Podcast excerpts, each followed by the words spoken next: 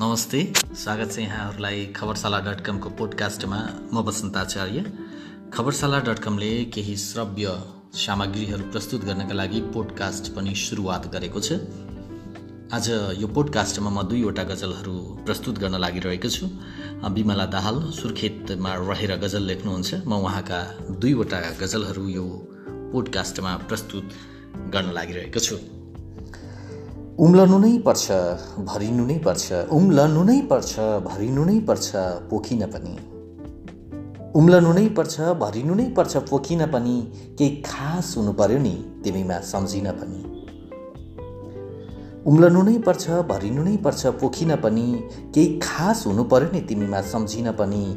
ईश्वरको घरमा देर हुन्छ अबेर होइन।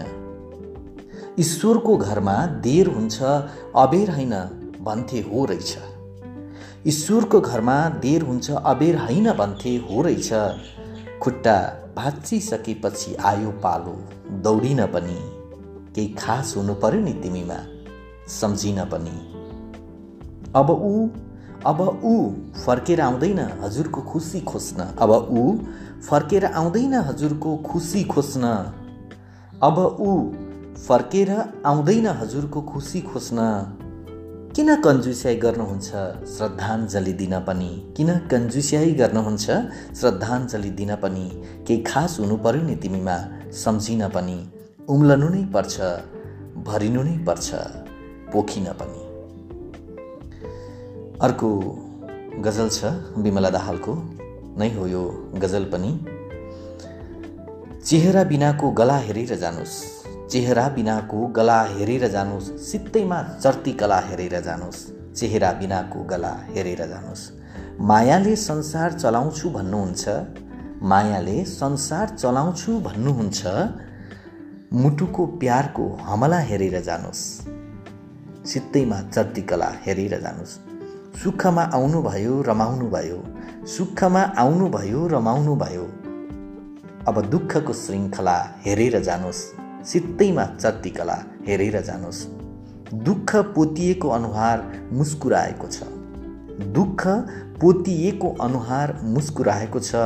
यस्तै हुन्छन् र अबला हेरेर जानुहोस्।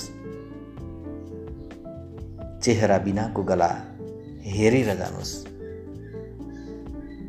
सित्तैमा चर्ती गला हेरेर जानुहोस्। बा बितेकै दिन आमाले हलो समातिन्।